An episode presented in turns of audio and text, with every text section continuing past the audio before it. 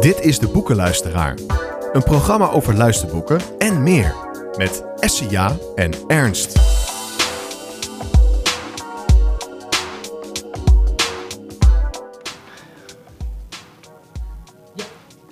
Goeie gekozen vrijdag, lieve luidjes. In dit uurtje van 1 tot 2 bij de boekenluisteraar nog meer luistergeluidjes. Ernst en ik laten van ons horen, dus luister gezellig mee. Maar dit keer doet DJ Marijke de goede platen en ik luister dan voor twee. Maar eerst luisteren we naar Marijke over Ernst Timmer.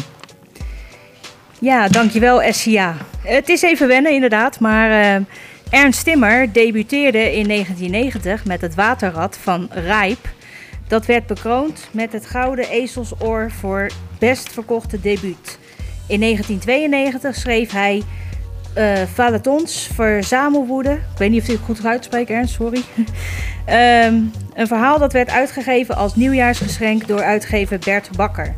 Op 22 maart 1994 stierf zijn vriend Huub. Een jaar later was hij hiervan nog steeds in droeve verwarring en schreef hij ter nagedachtenis het boekje Zeker Feestelijker. In 1999 kreeg Ernst Timmer een Libris-nominatie voor zijn roman De Stille Omgang verdiende. Zijn roman Zwarte Ogen uit 2003 stond op de longlist voor zowel de Libris als de ACO Literatuurprijs en werd genomineerd voor de Literatuurprijs Gerard Walschap onderdeel, onderzeel Londerzeel van 2004. In 2012 schreef Ernst in opdracht van Chemiva SVG het, het boekje De Ruiten van Penroos. Een bundel van 24 korte verhalen over de gehandicaptenzorg anno 2012. In mei 2013 is zijn boek Florijn verschenen. In 2016 De Val van Mijn Moeder. En in 2020 Magma. Wie ben je? Wat doe je? Waar werk je? Hoe vind je dat? Wanneer spreek je? Hoeveel tijd duurt dat? Wat lees je? Nou, dat is wij. Wat vergeet ik? Zeg je, zeg je. Ik luister, maar wat een stel. Hallo, hallo. Wat een lekker luisterlijstje hebben we voor Ernst Timmer bedacht. Maar ja, Ernst Timmer is onze eerste schrijver als studiogast. Ja, bedankt Ernst dat je in deze moeilijke coronatijd toch naar de studio bent gekomen. Wij willen straks alles weten hoe je reis hier naartoe was. Want dat is of op de fiets of met de auto geweest. Hij komt eraan. Nou, we gaan gewoon in het zonnetje zitten en genieten van het volgende plaatje misschien. Of nee, hij is er, hij is er. Sorry, ik, had, uh, ik, ik werd gebeld. Ik was vergeten mijn telefoon uit te zetten. Dan zet ik hier de, gelijk de hele boel op stelte. Sorry. Oh, maar dat zijn wij gewend bij Radio Geniet. Oh, ja, maar mijn... Nee, ik, maar wat... Wat... Sorry. Ja. En ik hoor niks meer.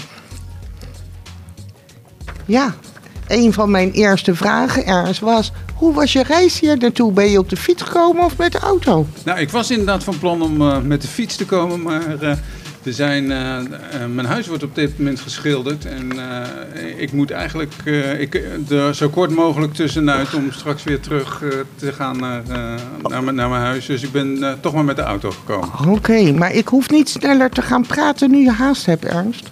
Nee hoor, nee, maar we, hebben geen haast, dat zeg ik niet. Nee, alsjeblieft. Nee. nee, maar je huis is toch wel belangrijk. Ach, want, ja. want gisteren sprak ik dus uh, Kees Hakkenberg en die zei...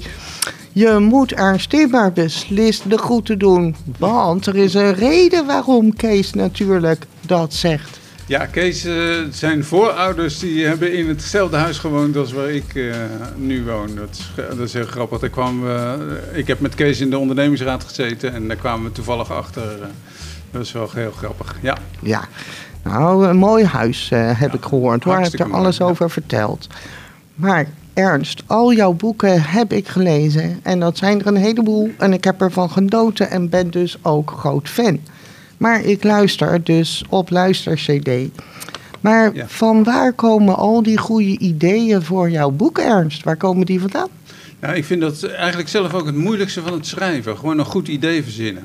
Dat is, eh, ehm, ja, dat, dat, dat vind ik zelf altijd heel lastig. Maar als ik eenmaal een goed idee heb en eh, een goed verhaal, wat van, van, begin tot eind eh, eh, goed in elkaar steekt en logisch is, dan, dan, dan vind ik het lekker om te schrijven. Maar het idee zelf verzinnen, dat vind ik zelf ook hartstikke moeilijk.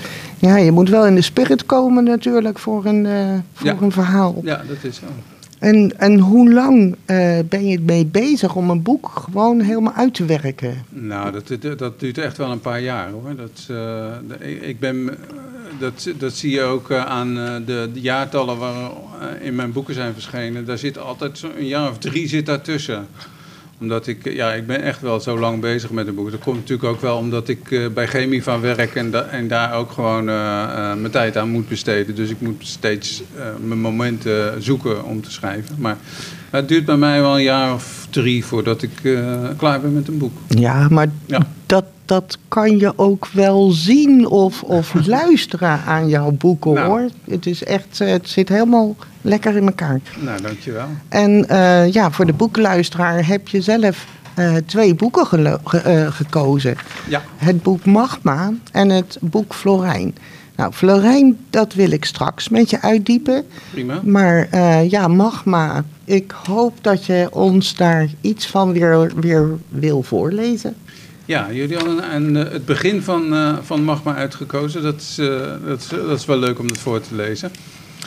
Oda en Lodewijk Wolf hadden een oudere broer die Peter heette. In heel Jutvaas was hij gevreesd. Nou ben ik toch, ja, ja ik kan het zeggen, ik ben mijn, ben mijn bril kwijt, maar die ben ik niet kwijt. Die zet ik nu even op. Eh, gevreesd en bewonderd om zijn uitzonderlijke kracht en onverschrokkenheid. Hij was een krijger, een vechtersbaas die gedaan kon krijgen wat hij maar wilde. Alle kinderen in de buurt waren bang voor hem of dienden hem. Er was een dode boom, ooit door de bliksem getroffen en ontdaan van al zijn takken, die tot in de hemel reikte met zijn kale stam. Niemand kon in die boom klimmen, maar Peter bedwong hem. Met een fietsband om zijn schouders werkte hij zich omhoog langs het dode hout. Stukje bij beetje verhief hij zich. Zijn opgetrokken benen knelden rondom de stam en gleden terug bij het strekken. Maar na het terugglijden had hij toch steeds een paar decimeter gewonnen en zo bereikte hij de duizelingwekkende hoogte van de dode boom. De fietsband legde hij om de stam en hij hing hem op aan de stomp van een oude tak. Hij daagde de Jutfase titanen uit om de band uit de boom te halen, loofde een prijs uit voor de Tarzan die dat zou lukken. De band bleef niet lang in de boom hangen. Na een storm lag hij beneden. Een ring om de stam op, de wortels van de dode boom, die daarmee de cipier van de ring werd. De band zat gevangen om de boom. Elke dag ging Peter kijken of hij er nog lag. Maar niemand waagde het om met de band mee naar boven te klimmen en de ring over zijn reusachtige cipier te trekken. Evenmin durfde iemand de band door te snijden. Wie zou wagen dat te doen, wachtte een helse wraak. Waarover Peter niet in detail trad, maar hij sprak van langdurige kwellingen en blijvend letsel.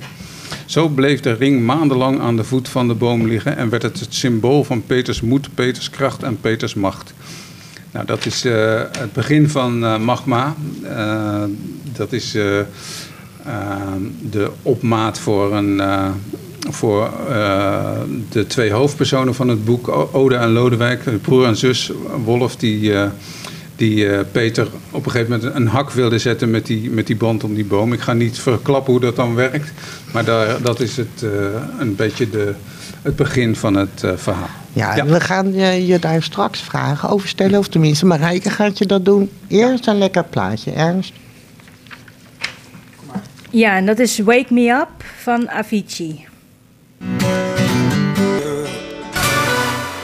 Ja, dat was Wake Me Up van Avicii. En eh, nou ja, inderdaad in de studio eh, Ernst Timmer. En met de, met de schrijver Ernst Timmer heb ik live een gesprek over zijn boek Magma. Wie kan er niet beter een stukje hieruit voorlezen dan de schrijver zelf? Dus aan jou, Ernst, de eer. En eh, was Magma een van jouw eerste boeken? Nee, dit is mijn laatste boek. Dus, eh, het is eigenlijk mijn, mijn tiende boek. Als, eh, als je alles bij elkaar optelt, dan eh, was Magma mijn tiende boek. Oké, dat is best wel Ja. veel al. Jazeker. Ja. En waarom ben je dit verhaal gaan schrijven?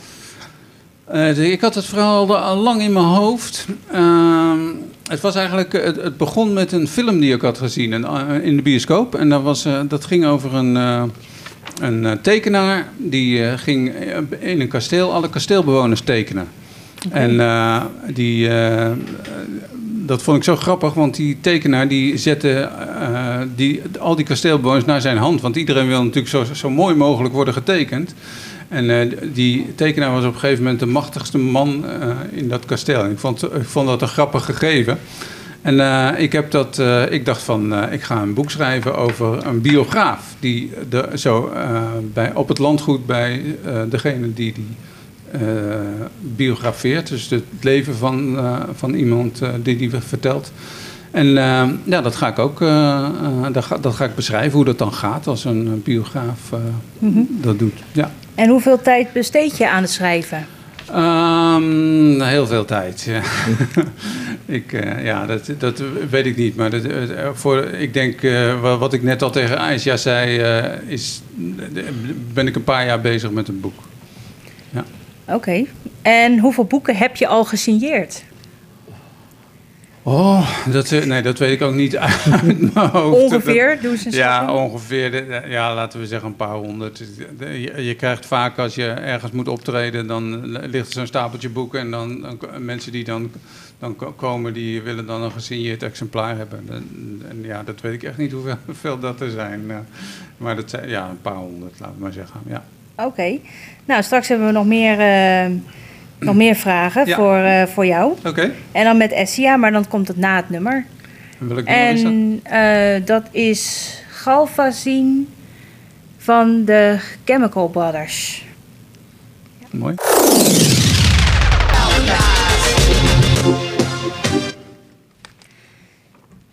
Doe jij hem of doe ik hem? Nee, het is mijn, uh, mijn pakje Jan dit. Ja. Ja, hallo Ernst, ben je er nog, uh, ja, ik ben nog, nog helemaal uh, klaar ja, voor? Ja, ja. ja, nou we gaan nu een sprong uh, in het diepe wagen met jouw volgende keus, het boek Florijn. Want ook dit boek mag er zijn.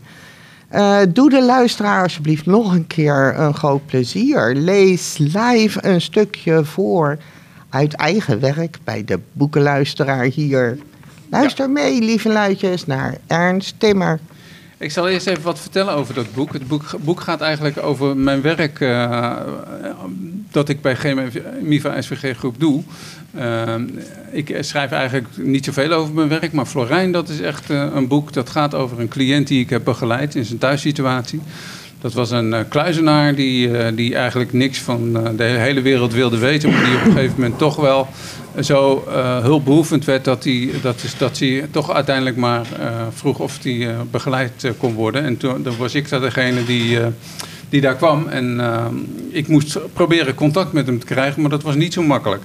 En ik heb hier een fragment waarin staat in het he hele begin hoe, hoe dat eerste contact dan, uh, dan ging. Dus uh, ik uh, vraag: Zal ik koffie zetten? vroeg ik. Als je dat maar laat. Florijn, dus dat was die kluizenaar, zette de radio harder. Tussen de papiertjes om zijn radio heen lagen, vond hij een vieze zakdoek die hij met zijn lange kromme vingers begon te verkreukelen. De tweede helft van de stilte begon. De stand was in evenwicht. Ik wachtte tot hij zijn handtekening zette. Hij moest een handtekening zetten onder een, uh, een, een, geldbedrag dat ik hem ge uh, moest geven. Um, Florijn wachtte tot ik het bedrag verhoogde. Hij wilde meer geld. Verder hadden we elkaar niets te vertellen. Ik had natuurlijk wel eens wat geprobeerd. Het weer, de foto's aan de muur, de hond. Ik kwam aan de weet dat de hond Nero heette. Genoemd naar een andere Pekinees wiens foto aan de muur hing. Dood? Ja, dood. Was die Nero dan wel genoemd naar de Romeinse keizer? Ach, schijt toch uit, man. U zit wel op de praatstoel vandaag, zei ik, waarna het zwijgen weer begon. De verlenging. Tussen de papiertjes op tafel zag ik een briefje dat ik nog niet eerder had zien liggen. Er stonden getallen op. 200, 75, 110, 320, een heel blaadje vol. Wat betekenen die getallen, vroeg ik. Ja, dat wil jij wel weten, hè?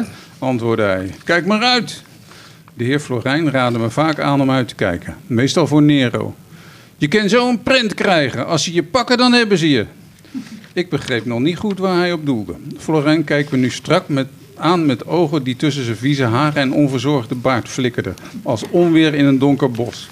Ik zal wat onbeholpen hebben teruggekeken, want hij vervolgde... Ja, jongen, kijk maar. Hij wees op het blaadje met de getallen. 450 gulden. Dat heb je ervan. Hij had nog een grote smoel ook. En door rood rijden, hè? Ja, dan heb je ze hier. Wat bedoelt u?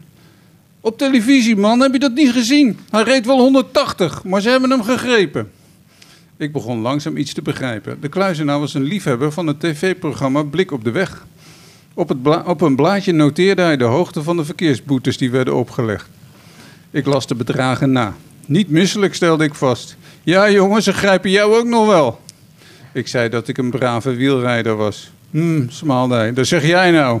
Maar hun die weten wel beter. Hij pakte een pen en begon zijn handtekening op het bonnetje te zetten. Ik haalde de 50 euro tevoorschijn. Tot volgende week, juichte ik. Ik vierde mijn overwinning door op te staan en een snelle blik in de koelkast te werpen. Twee haringen. Deze gooi ik weg, meneer Florijn. Ze zijn verrot en ze stinken. Volgende week wil ik 100 gulden. Florijn stond alweer op scherp voor de volgende ontmoeting. Prachtig, Ernst, prachtig. Ik luister graag naar de stem die het boek voorleest. En ja, ik luister natuurlijk op Luister CD Ja. en ben ja, afhankelijk van de inlezer. Ja. Is de inlezer voor jou belangrijk bij het verhaal van jou? Nou, ik, ik moet eerlijk bekennen dat ik zelf nooit luisterboeken lees eh, of luister. Maar Oké. het, ik denk als ik dat, als ik dat zou doen, eh, nou, net zoals jij, als je niet goed kan lezen, dan, eh, dan zou ik dat echt wel belangrijk vinden. Het schijnt dat Job Cohen, eh, eh, dat die, dat die heel veel luisterboeken inspreekt en dat hij een hele prettige stem heeft. eh. Oké. Dat hoor ik wel eens. eh, Ja. Maar dat is echt wel belangrijk, ja. Maar je luistert dus niet je eigen boek nog een keer na van, ja, doen ze het wel leuk genoeg? Of doen... nee, sorry, dat heb ik niet gedaan. Nee, nee. Nou, ik eh, Misschien ga ik dat nog eens doen. Ik, ik ben nou bijna met pensioen, dus eh, heb je tijd heb, ik, over. heb ik tijd om naar mijn eigen boeken te luisteren. Ja. En op verzoek van Gemiva heb ik eh, citaten verzameld. Oké. En waar was ik natuurlijk mee bezig? Met jouw boeken van Ernst Timmer. En eh, ja, ik heb hele A4'tjes vol gepend met citaten uit jouw boeken. Maar één daarvan, Ja. Eh, die wil ik gaan gebruiken bij dit gesprek. En dit citaat luidt: Goeie vragen beginnen met stel dat. Nou, stel dat we eerst een goed plaatje gaan horen en dan ga ik jou de vragen stellen. Oké, heel goed. En het eh, volgende nummer is, eh, dat kan ik misschien wel even iets over vertellen. Dat gaat over Ri- Grignard met Ring Ring I Got To Sing. Dat, is, dat komt in het boek Magma komt dat, voor. En ik vind het ook een mooi lied, want het gaat echt over discriminatie. En dat is echt wel een actueel thema op dit moment. Het, eh, hij zingt over eh, dat zwarte Amerikanen wel eh, goed zijn om in Vietnam, in die tijd was het, de Vietnamoorlog, om in Vietnam als kanonnenvoer te fungeren, maar dat ze thuis in Amerika gewoon lekker verder gediscrimineerd en uitgescholden kunnen worden.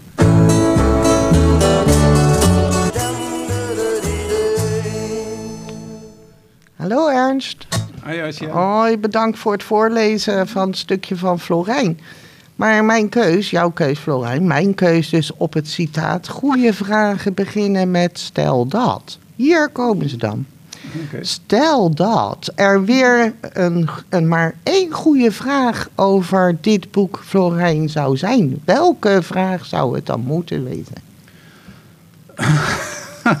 Dat is een lastige vraag. Ik denk eh, dat een, het een heel goede vraag is van hoe krijg ik contact met een cliënt die geen contact wil.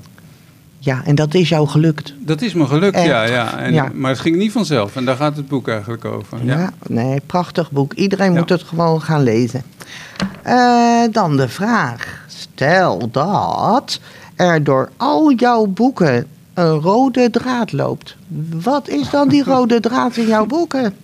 Ja, dat is wel, eh, wel heel erg, eh, een heel erg lastige vraag. Ehm, ik denk dat eh, het ook wel een beetje met mijn werken bij Chemiva te maken heeft. Eh, dat ik met mijn boek toch ook wel, eh, met al mijn boeken, het een beetje wil opnemen voor, voor mensen die niet helemaal perfect zijn, die niet helemaal volmaakt zijn en die, die, wa- waar, waar een, waar een, een, een vlekje aan zit. En dat ik, dat ik het heel mooi vind om te laten zien dat die mensen hartstikke veel waard zijn. En dat, eh, dat, eh, daar, dat je zou kunnen zeggen dat eigenlijk al mijn boeken daarover gaan. Ja, ik heb die rode draad al lang er eh, tussenuit gehaald. Ja. Eh, stel dat door het boek Florijn de zorg zou verbeteren. ja, Ja.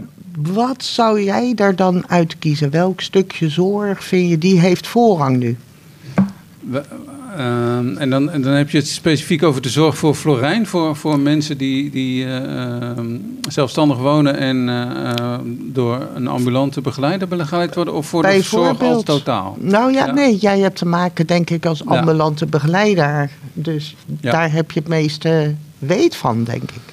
Ja, en, eh, wat- ik het, het liefste zou willen is dat de, dat de zorg wat, wat meer, eh, dat er meer, meer vertrouwen kwam, eh, werd, gelegd bij de professionals, dus de begeleiders die de zorg uitvoeren. En dat ze niet eh, voor, ja, voor elke, elk uurtje en eh, elk, elk ding dat ze doen zich zo uitgebreid moeten verantwoorden. Dat, dat, dat, er, dat de overheid gewoon zegt van oké, jullie doen dat werk en jullie doen het in principe goed.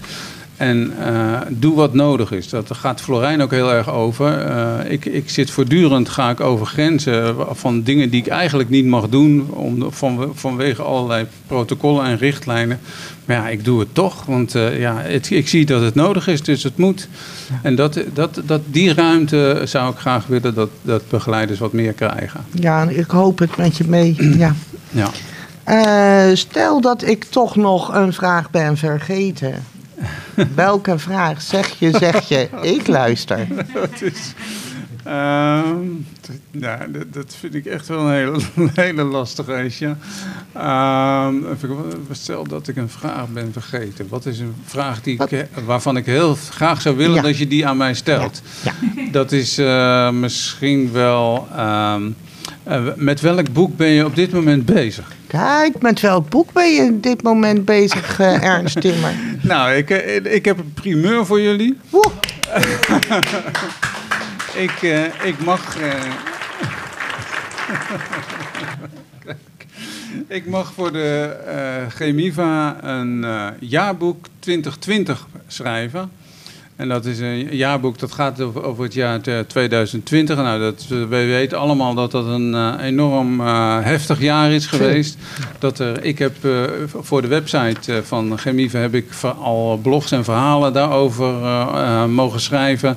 Ik heb zelf een, een dagboek ge- geschreven over de zorg van mijn moeder. Dat heb ik allemaal gecombineerd en daar, daar is een boek uitgekomen van eh, 200 pagina's. En, daar, en dat heet De Vier Jaargetijden. Jaarboek van twee- 2020 en dat eh, komt eh, volgende maand, eh, ja, dan komt dat overal te liggen. Oké, en dan kom jij natuurlijk hier weer. Dan kom ik hier weer vertellen hoe- het... Ja, kom je, ja, hoor, nee, dat vind ik prima. Ja, ja, ja hoor. Ja. Ja, echt wel. Ja. Nou, eerst gaan we een plaatje doen en dan gaan we verder met de stel dat vragen. Oké. Ja, dat eh, volgende plaatje, dat is eh Centerfold van de J. eh Giels Band.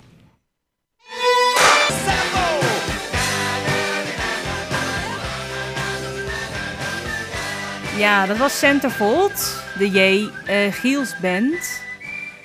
En eh, hallo Ernst, ik heb ook nog een paar vragen voor je. Oké. En ehm, stel dat je een keer eh, dat je je een keer zou gaan eh, vervelen. Ja. Ik, ik, ik ken dat gevoel niet zo goed. Dat is een, een schrijver verveelt zich nooit. Dus, eh, je, je kan, je, gaat het? Ja?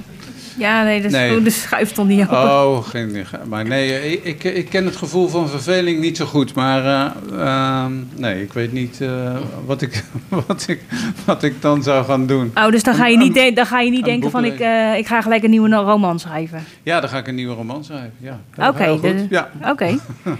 En stel ehm, dat er een van jouw boeken gebruikt gaat worden voor een hoorspel. Welk boek zou je daarvoor kiezen? Eh, goeie vraag. Ehm, wat zou nou voor een hoorspel het meest geschikte boek zijn? Ik denk, ik denk dat, dat, dat Florijn wel, er wel in, in aanmerking komt. Omdat, dat een, eh, omdat daar ja, een redelijk beperkt aantal personages eh, in, een, in een steeds op dezelfde plek eh, zijn. Dat dat wel heel geschikt is voor een hoorspel. De- het meest van al mijn boeken, denk ik. Ja. Mhm. Stel dat er naast de vele prijzen voor jouw schrijverskunst er ook eentje van eh, DJ-dichter eh Essia kwam te staan. Heb je daar dan nog plaats voor? Nou ja, dat, dat, die, die, die prijs moeten ze absoluut krijgen. Want, eh, en daar is altijd plaats voor, ja. Oké, dan eh, maak ik nu weer plaats voor DJ-dichter Essia. Ik ga verder. Stel dat het nu tijd werd voor een, een onzichtbaar kogelvest voor op jouw prijzenplank. Met natuurlijk een kleine recensie erbij als dank van Radio Gemiva.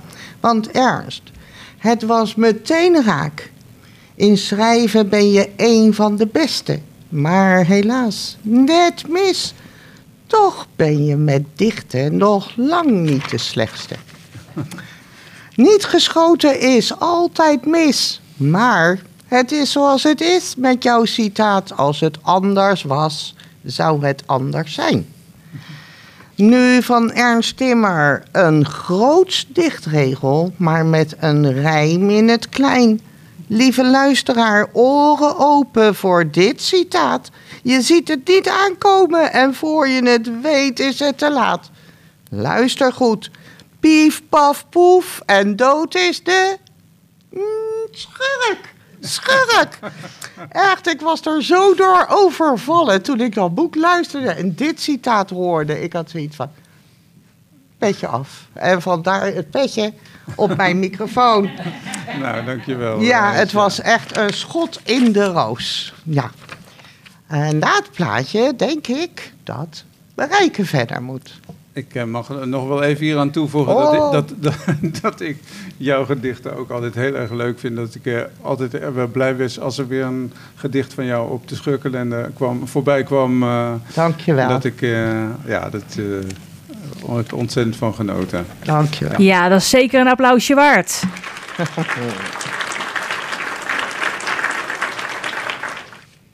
Marijke, laat van je horen.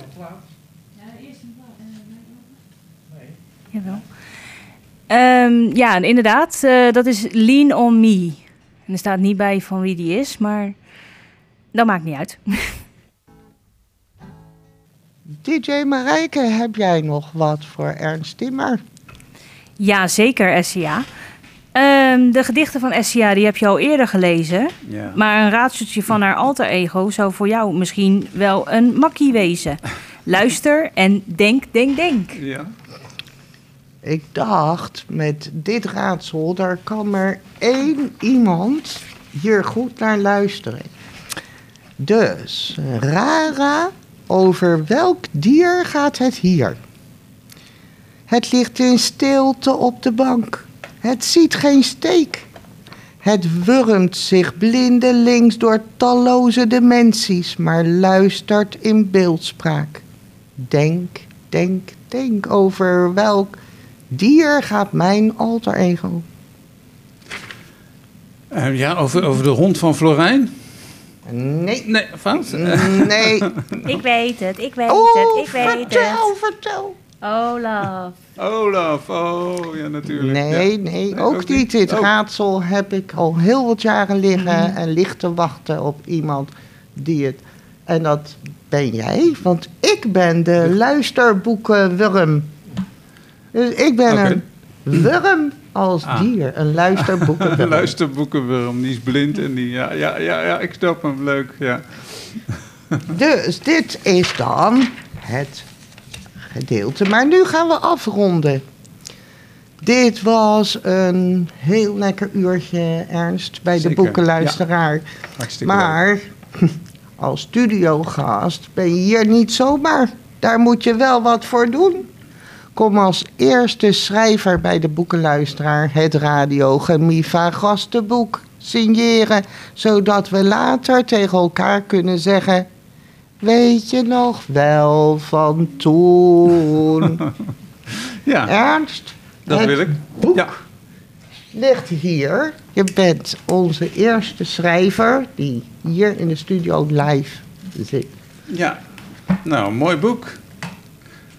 Die heeft design er- bij Gading. eh, ah, design, uh, ja. Haring Design heeft hem gemaakt, ja.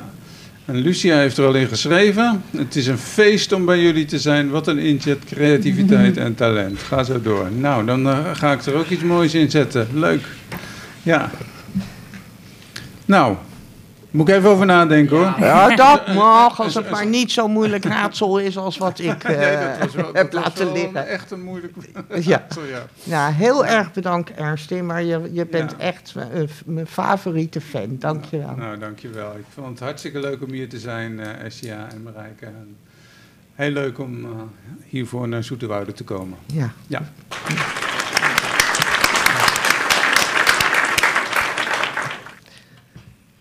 We gaan verder met het laatste hoofdstuk van Olaf. eh, geschreven door Annette Hooghout. En eh, het is hoofdstuk 9. Heb je hem klaar liggen? Ik heb hem helemaal klaarstaan. Hm. Daar komt hij. Daar komt hij. Hoofdstuk 9, dat is balen. Als Olaf de volgende morgen aan het ontbijt verschijnt, is hij heel erg stil. Voel je je niet zo lekker, Olaf? vraagt Marian. Oh, jawel hoor, zegt hij vlug. Ik heb alleen nog een beetje slaap. Hij geeft een knipoog aan Monique. Ze kijkt hem vragend aan. Dan fluistert hij iets in haar oor. Hé? roept ze verbaasd. Heeft ze hem wel goed verstaan? Je bedoelt toch zeker geen echte?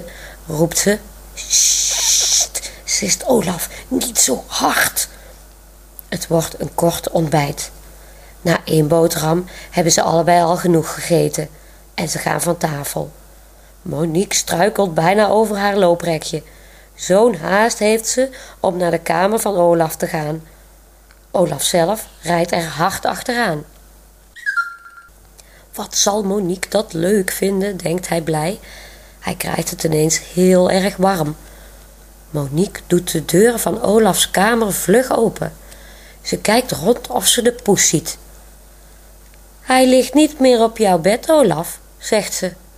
Misschien onder jouw bed? Nee, daar ligt hij ook niet. Waar dan wel? O jee, het raam staat open. Hij is ontsnapt, die Joost. Dat is balen, roept Olaf. Wie heeft me dat nou weer geflikt? Hij kijkt woest om zich heen. Ik zie alleen maar een stoeipoes, Olaf, zegt Monique, en die hangt aan de muur. Ze lacht een beetje zenuwachtig. Nee, hè, ook dat nog, denkt Olaf. Die blote dame had hij eigenlijk weg willen halen, en wel voor Monique bij hem op bezoek zou komen. Hij zucht diep. Hij zou nu echt wel een potje willen huilen. Monique merkt hoe ellendig hij zich voelt. Ze slaat een arm om hem heen. Ik vind wel dat je een hele leuke kamer hebt, Olaf, zegt ze. Vooral jouw vloerkleed vind ik heel mooi. Oh, dank je, zegt Olaf met een heese stem en dan is hij weer stil.